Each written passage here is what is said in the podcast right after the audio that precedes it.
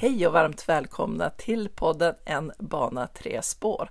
En podd om Norrbotniabanan som vi har kopplat till de tre olika spåren tillväxt, hållbarhet och människa.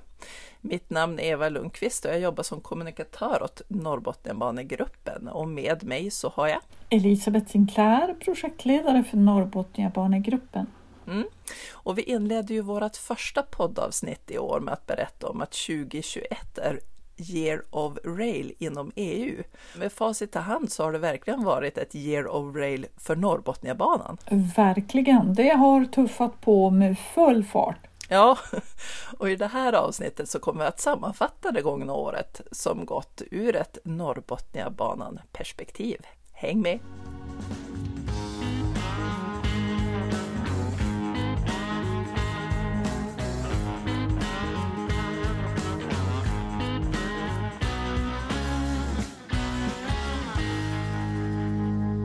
Ja, den röda tråden genom året som gått har ju varit den nationella infrastrukturplanen. Och vi har ju beskrivit den lite kort i tidigare poddar att ja, finns man inte där då byggs man inte heller.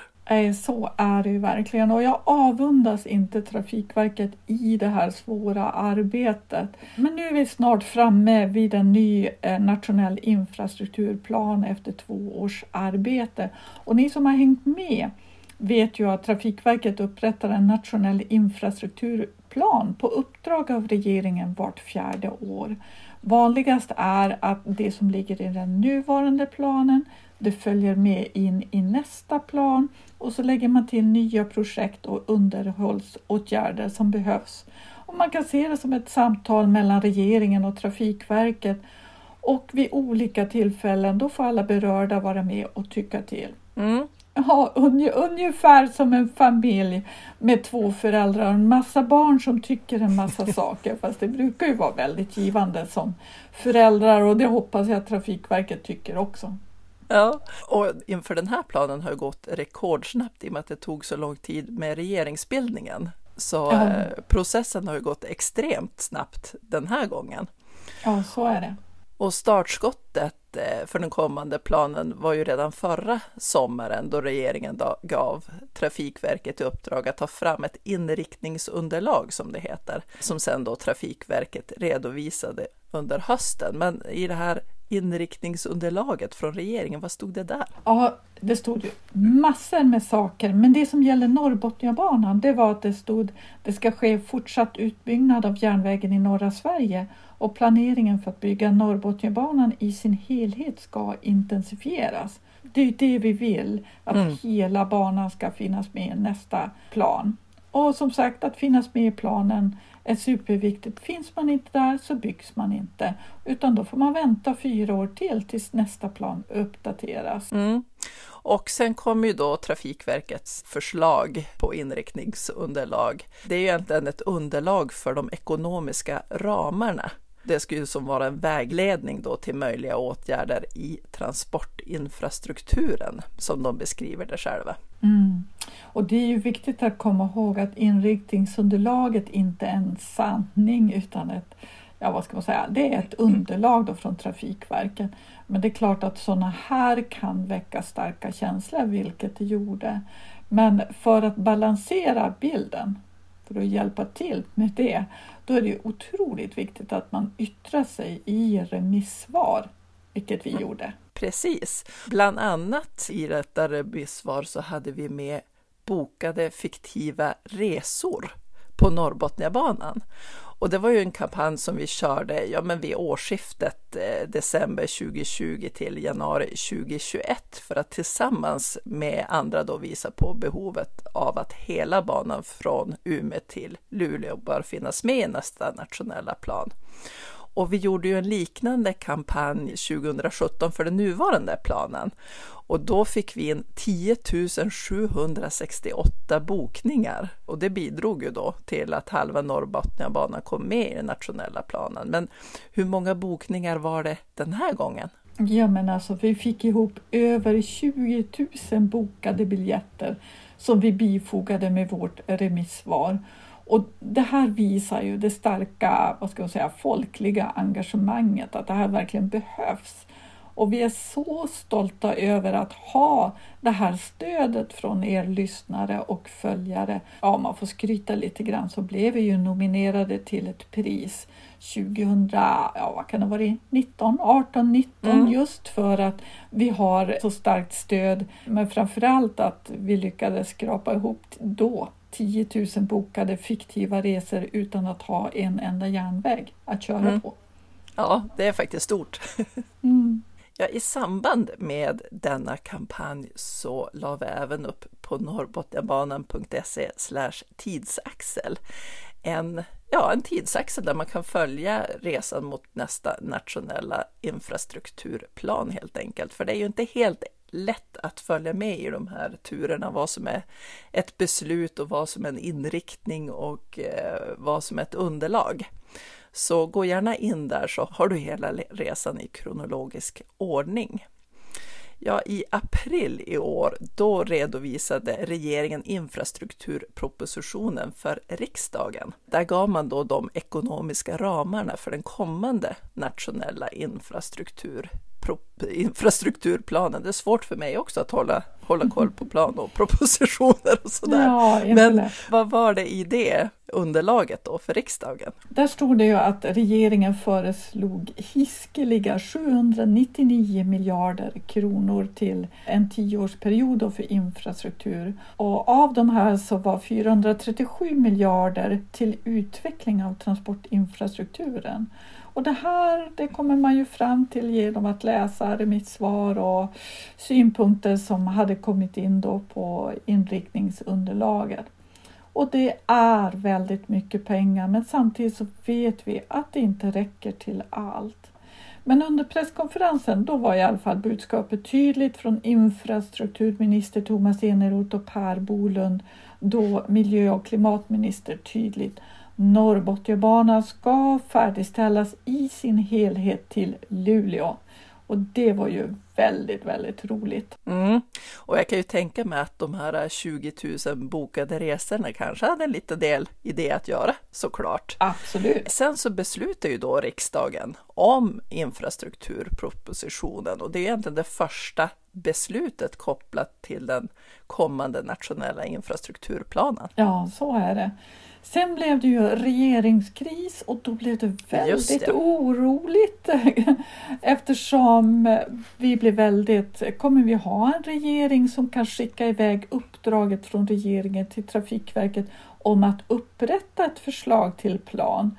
Och där stod man ju med hängmattan i handen och undrade om det skulle bli någon semester eller inte. Exakt, men processen fortsatte ju ändå trots kris. Strax efter det här beslutet i riksdagen så gav regeringen Trafikverket i uppdrag att ta fram ett nytt förslag till nationell infrastrukturplan. På tal om just planer och Trafikverket så tror jag faktiskt att våra lokförare har en och annan julklappsplan på gång. Har du? Ho, ho! Jultomten här! Eva och Elisabeth har lovat att jag får vara jultomte i år. Så roligt, så roligt. Har fått i uppdrag att ordna julklappar till två personer som haft betydelse för Norrbotniabanans tillkomst. Jag har en julklappsidé, men jag måste leta fram kvällstidningen. Ska vi se här. Lyssna på det här. Så här står det. Köp ett eget ånglok för en tusenlapp. Ett tiotal ånglok av typen B tillverkade på 1910-talet ska bort från Järnvägsmuseet. De har blivit för många. Loken väger 100 ton och priset är 1000 kronor. Jajamän! Självklart, två sådana ska det bli. Nu fattas bara ett rim om detta. Hmm. Ho, ho, till en person hård som stål, rak som räl och full av signaler. Jo, det måste man ju vara om man är generaldirektör på Trafikverket så att det blir ordning och reda. Alltså, ho, ho, till en person hård som stål och rak som räl och full av signaler. Som servat oss resenärer på järnvägens centraler. Nu lämnar du och går till andra intressen, men utan genvägen vill vi varna för tristessen. Men med detta fordon blir livet meningsfullt. Tack för din insats. Det har varit mycket värdefullt. God jul, Lena Eriksson, generaldirektör på Trafikverket. Snacka om fint rim! Oh, jag blev nästan lite röd själv av julklappsrimmet. Och vilken julklapp hon får! Vem önskar sig inte ett ånglok? ja, vem önskar sig väl inte ett ånglok på sådär 100 ton under granen? Jag tror att Lena varit jätteglad, eller ja, kommer men... att bli, det har ju inte varit julen. Ja, men det tror jag också. Och vilket fantastiskt arbete Lena Eriksson har gjort som generaldirektör på Trafikverket. Det är klart att hon ska ha ett ånglok. Absolut, och när vi pratar om eh, Trafikverket så tänker jag på det här eh, tåget som de testkörde mellan tyska Marschen till Malmö. Det var tydligen ungefär 200 meter längre än vanligt. Ja. Varför gjorde de det där testkörningen egentligen? Och varför där? Det är riktigt spännande försök och det är ju Trafikverket som testar nya lösningar för att bidra till en än mer hållbar och attraktiv godstrafik på järnväg. Och, eh, så vi får se, vi kommer säkert att höra mer om det här längre fram. Mm. Och nu tänker jag tillbaka det vi pratade om tidigare, det här med infrastrukturpropositionen. Och mm. det var ju som en händelserik vecka det där. Jag vet inte om du minns, i samma vecka så hade vi ju själva en presskonferens där vi presenterade vårt arbete gällande Norrbotniabanans infart till Luleå. Och bakgrunden är ju att eh, när Trafikverket stängde järnvägsutredningen 2011 så fanns det två möjliga infarter till Luleå, en västlig och en östlig. Ja, vi ska ju påminna om att Trafikverket har valt en västlig infart för Norrbotniabanan till Luleå, men man valde att behålla den östliga korridoren och bad att kommunen också skulle göra det detsamma utifall att en regional intressentgrupp skulle hitta en lösning gällande sjöfarten som fick problem om man skulle ha byggt en fast bro via Hamnholmen och in på fastlandssidan. Och saken är ju det att man vill ju ha en genomgångslösningar av järnvägar genom städerna Eh, så att man slipper det här med en säckstation när tåget ska åka in och så måste de lokvända och åka ut igen. Det är inte optimalt för järnvägar och också då för att man ska kunna nå de centrala delarna av stan. Gärna med ett resecentrum i centrala delarna av staden. Sedan två år tillbaka så har vi jobbat med eh, dels plockat upp Eh, de föreslagna lösningar som Trafikverket gjorde då i järnvägsutredningen som blev klar tror jag 2011. Så vi har tittat på, ja, vi har tittat på sänktunnel, vi har tittat på att använda Tjuvholmssundet och Krokabuskleden för att hjälpa till då för att de här fartygen ska kunna vända vintertid. För det är vintertid som fartygen behöver komma åt Gråskällfjärden för att vända eftersom isen kan packas och det blir alldeles för krångligt då att eh, vända på samma ställe hela tiden så de måste ha flera vändytor. Vi har ju sett att det är oerhört komplext att komma in österifrån. Men nu när Trafikverket har fått i uppdrag av regeringen att påbörja planeringen norrut då kan Trafikverket ta över och börja titta på kan det möjligtvis gå att lösa med en öppningsbar bro. Mm. Så att det jag känner det är att det är gjort ett jättegediget arbete i järnvägsutredningen fram till 2011 och vi har plockat upp frågan då 2019 och jobbar vidare på den och nu kan Trafikverket bara ta över det här arbetet och fortsätta vilket innebär att Trafikverket har vi har hjälpt till med planeringen så att inte Trafikverket behöver börja nu där vi stod 2019. Så att det här känns jätte, jättebra. Precis så. Och är du nyfiken och kika på det här förarbetet så finns det på norrbotniabanan.se Luleå. Och eh, jag brukar faktiskt tänka på det här med genomgångslösning och säckstation när, eh, när, särskilt nu i julhandeln. Det här när man kommer till en parkeringsplats och så kan man köra igenom två parkeringar så att man slipper backa ut när man ska fara. Det är ungefär samma fenomen, att man kan bara köra rakt igenom eller vill man köra in och sen krångla sig och backa ut. Det är en, ännu en metafor. Ja, verkligen. Du får ju tänka på att du, du ska vara ledig ibland också. Ja, just det, just det. Men, men man gör ju sådana där reflektioner så här, och då, då, kan det vara lättare att ha en bild framför sig. Hur, hur krångligt är det då med ett helt tågsätt på denna parkeringsplats? Man vill ju helst gärna bara köra igenom såklart. Ja, efter att regeringen gett Trafikverket i uppdrag att ta fram ett förslag till plan så höll de då senare ett flertal hearings för att lyssna in från olika myndigheter och aktörer vad de har för synpunkter i det kommande arbetet med den kommande planen. Och Eh, jag antar att mycket av medskicken handlade om de stora miljardinvesteringarna i norr, eller? Ja, men så var det ju. Och eh, Peter Larsson då, Sveriges samordnare för de här stora miljardinvesteringarna var ju med. Och han vände ju på Sverigekartan och talade om det nya Sverige, det nord, det nya syd med kontakt i Europa och världen i större utsträckning. Och det vi nu talar om en ökad förädling i norr istället för export av råvaror.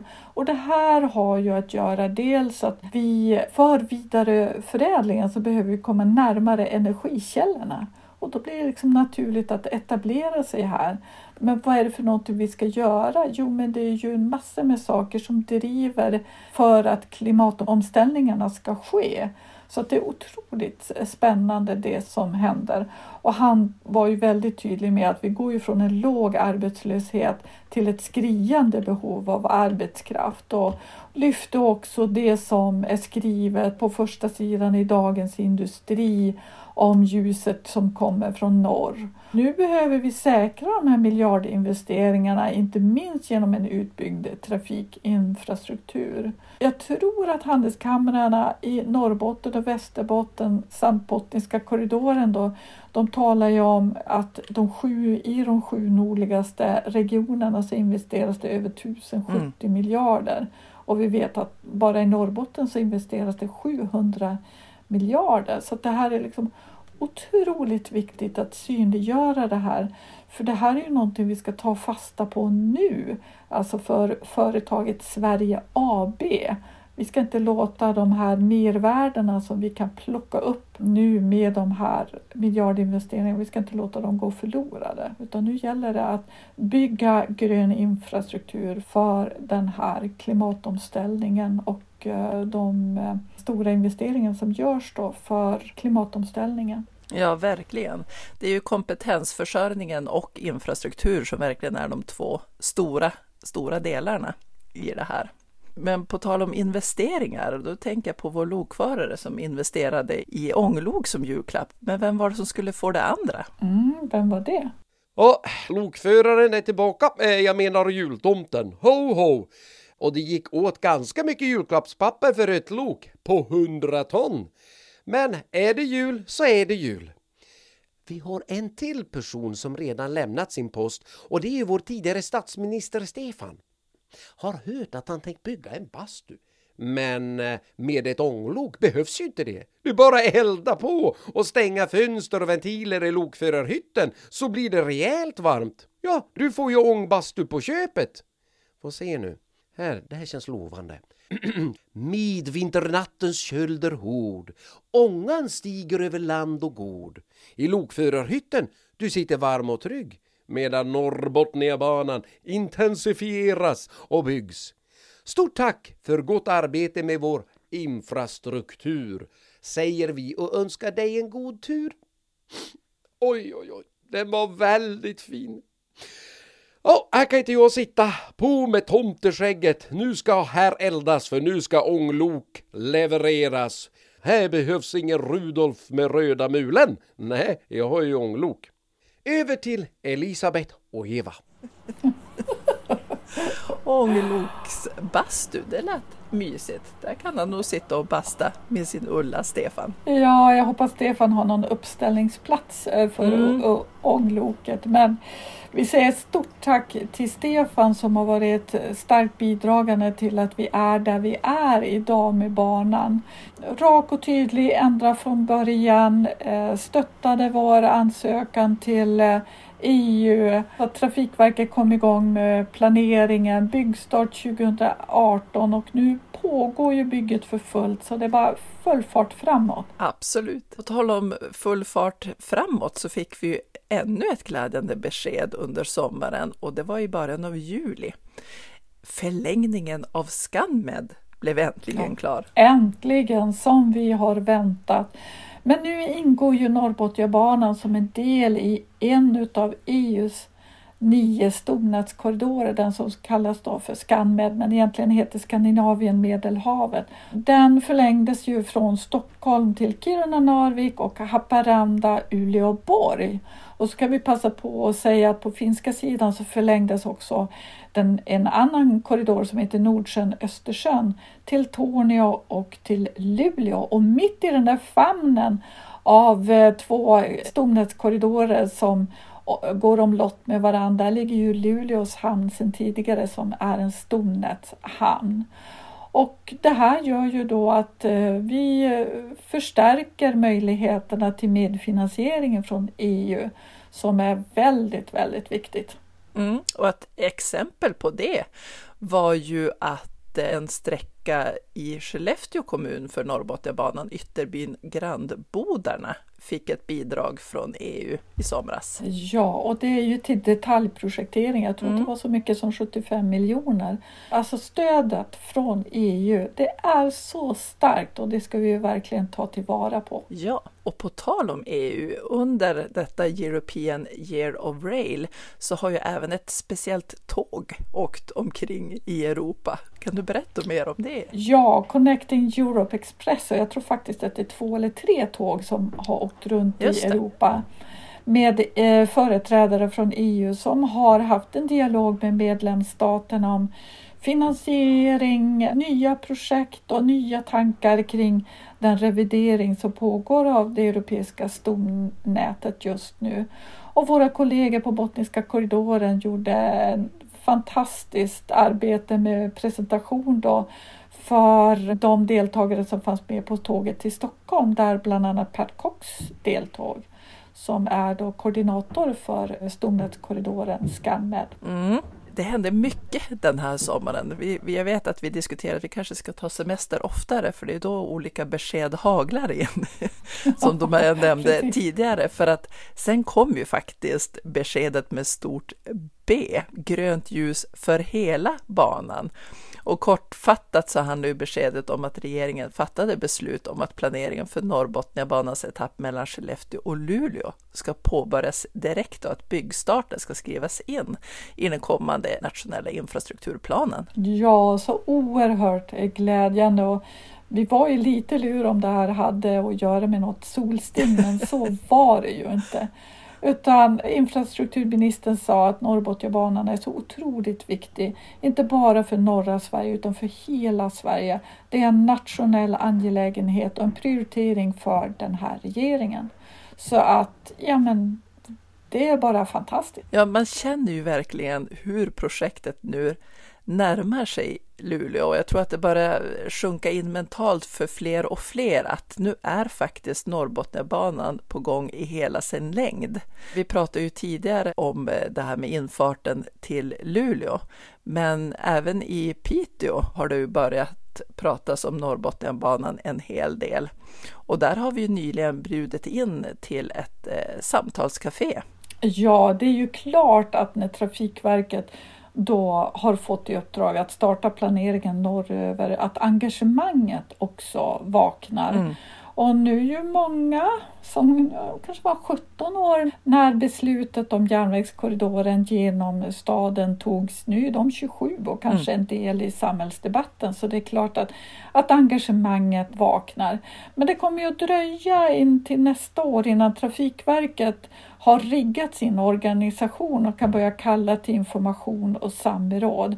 Så vi tog oss friheten att, att bjuda in Trafikverket till det här samtalskaféet men också personal från både Skellefteå och eh, Luleå kommun för att de skulle berätta lite grann hur arbetet går för dem. Och Piteå kommun såklart. Ja, ja, ja, visst, visst. Och, och, det är ju viktigt att komma ihåg att det är Trafikverket som ansvarar för banans funktion. Och det innebär ju att man kan inte dra järnvägen var som helst utan de styr både planering och bygge och lägger fram förslag. Och nu gäller det ju att vi allihop är med och deltar aktivt i Trafikverkets samråd för att vi ska eh, få klart planeringen så fort som möjligt. För det vi behöver göra nu det är ju att bygga banan färdigt till Luleå. Exakt så. Ja, och är du nyfiken på vad som sades under det här samtalscaféet så kan du gå in på norrbotniabanan.se Piteå. Där kan du se alla presentationer i efterhand. Nu i december så kom ju då förslaget från Trafikverket gällande ny nationell infrastrukturplan. Vi både jublar och Eh, fundera lite, är väl sammanfattningen. Du kanske kan beskriva det lite bättre, Elisabeth? Ja, men så är det. Alltså om vi fokuserar på Norrbotniabanan så kan vi säga att Norrbotniabanan har fått mer pengar för sträckan mellan Umeå och Skellefteå. Och äntligen har den norra etappen mellan Skellefteå och Luleå lagts in då med 3 miljarder som räcker både till planering och en byggstart. Och det är riktigt, riktigt glädjande.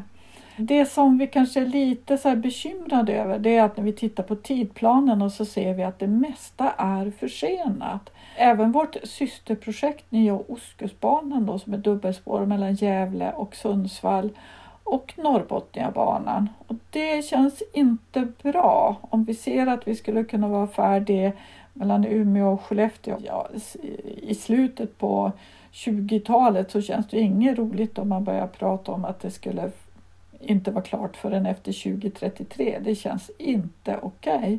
Utan vi tycker att det är viktigt att man börjar prata om målår. Och det har ju att göra med att verksamheter som har direkt koppling som inköp av tåg, planering av övrig kollektivtrafik, färdigställande av resecentrum. Alla de påverkas ju och måste börja planeras. Sen föreslår Trafikverket att man lånefinansierar sträckan Luleå vid Riksgränsen, alltså Malmbanan, så att man gör ordentliga satsningar där och det känns riktigt glädjande. Men man vill alltså då lånefinansiera det för det skulle frigöra pengar som man kan lägga på förbifart E4 genom Skellefteå eller på Norrbotniabanan. Och det känns inte som någon bra lösning. Vi behöver få alla bitar klara nu. Och det är ju en viktig signal till näringslivet som investerar i hållbar utveckling och därför behöver vi färdigställa en hållbar infrastruktur för att de här investeringarna som näringslivet gör ska kunna genomföras. Mm. Och alla de här tankarna som vi har, bland annat det här med målår, är ju någonting kanske vi ska, som vi kommer skicka med i vårt remissvar som ska vara inne senast den 28 februari till regeringen. Och vi kommer att återkomma till detta. Och sen till våren kommer ju regeringen att fatta ett beslut om den nationella transportplanen som ska gälla från 2022 till 2033. Precis. Sen kan jag ju påminna om den här tidsaxeln där du kan följa resan. Där kommer vi att lägga in vartefter det händer saker kopplat till detta på norrbotniabanan.se tidsaxel. Ja, och eh, i vanlig ordning kommer du väl att sammanfatta allt som vi har pratat om i den här podden i en blogg, Elisabeth? Jajamensan! Härligt! Och har du några frågor på det här avsnittet eller någonting annat kopplat till Norrbotniabanan så är det bara du mejlar till info norrbotniabanan.se. Ja, nu återstår det väl bara att önska er alla en eh, riktigt god jul! och ett gott slut. Ja, och god fortsättning också. Det blir ett spännande år känner jag 2022. Precis. Hej då! Ha det bra! Hej då!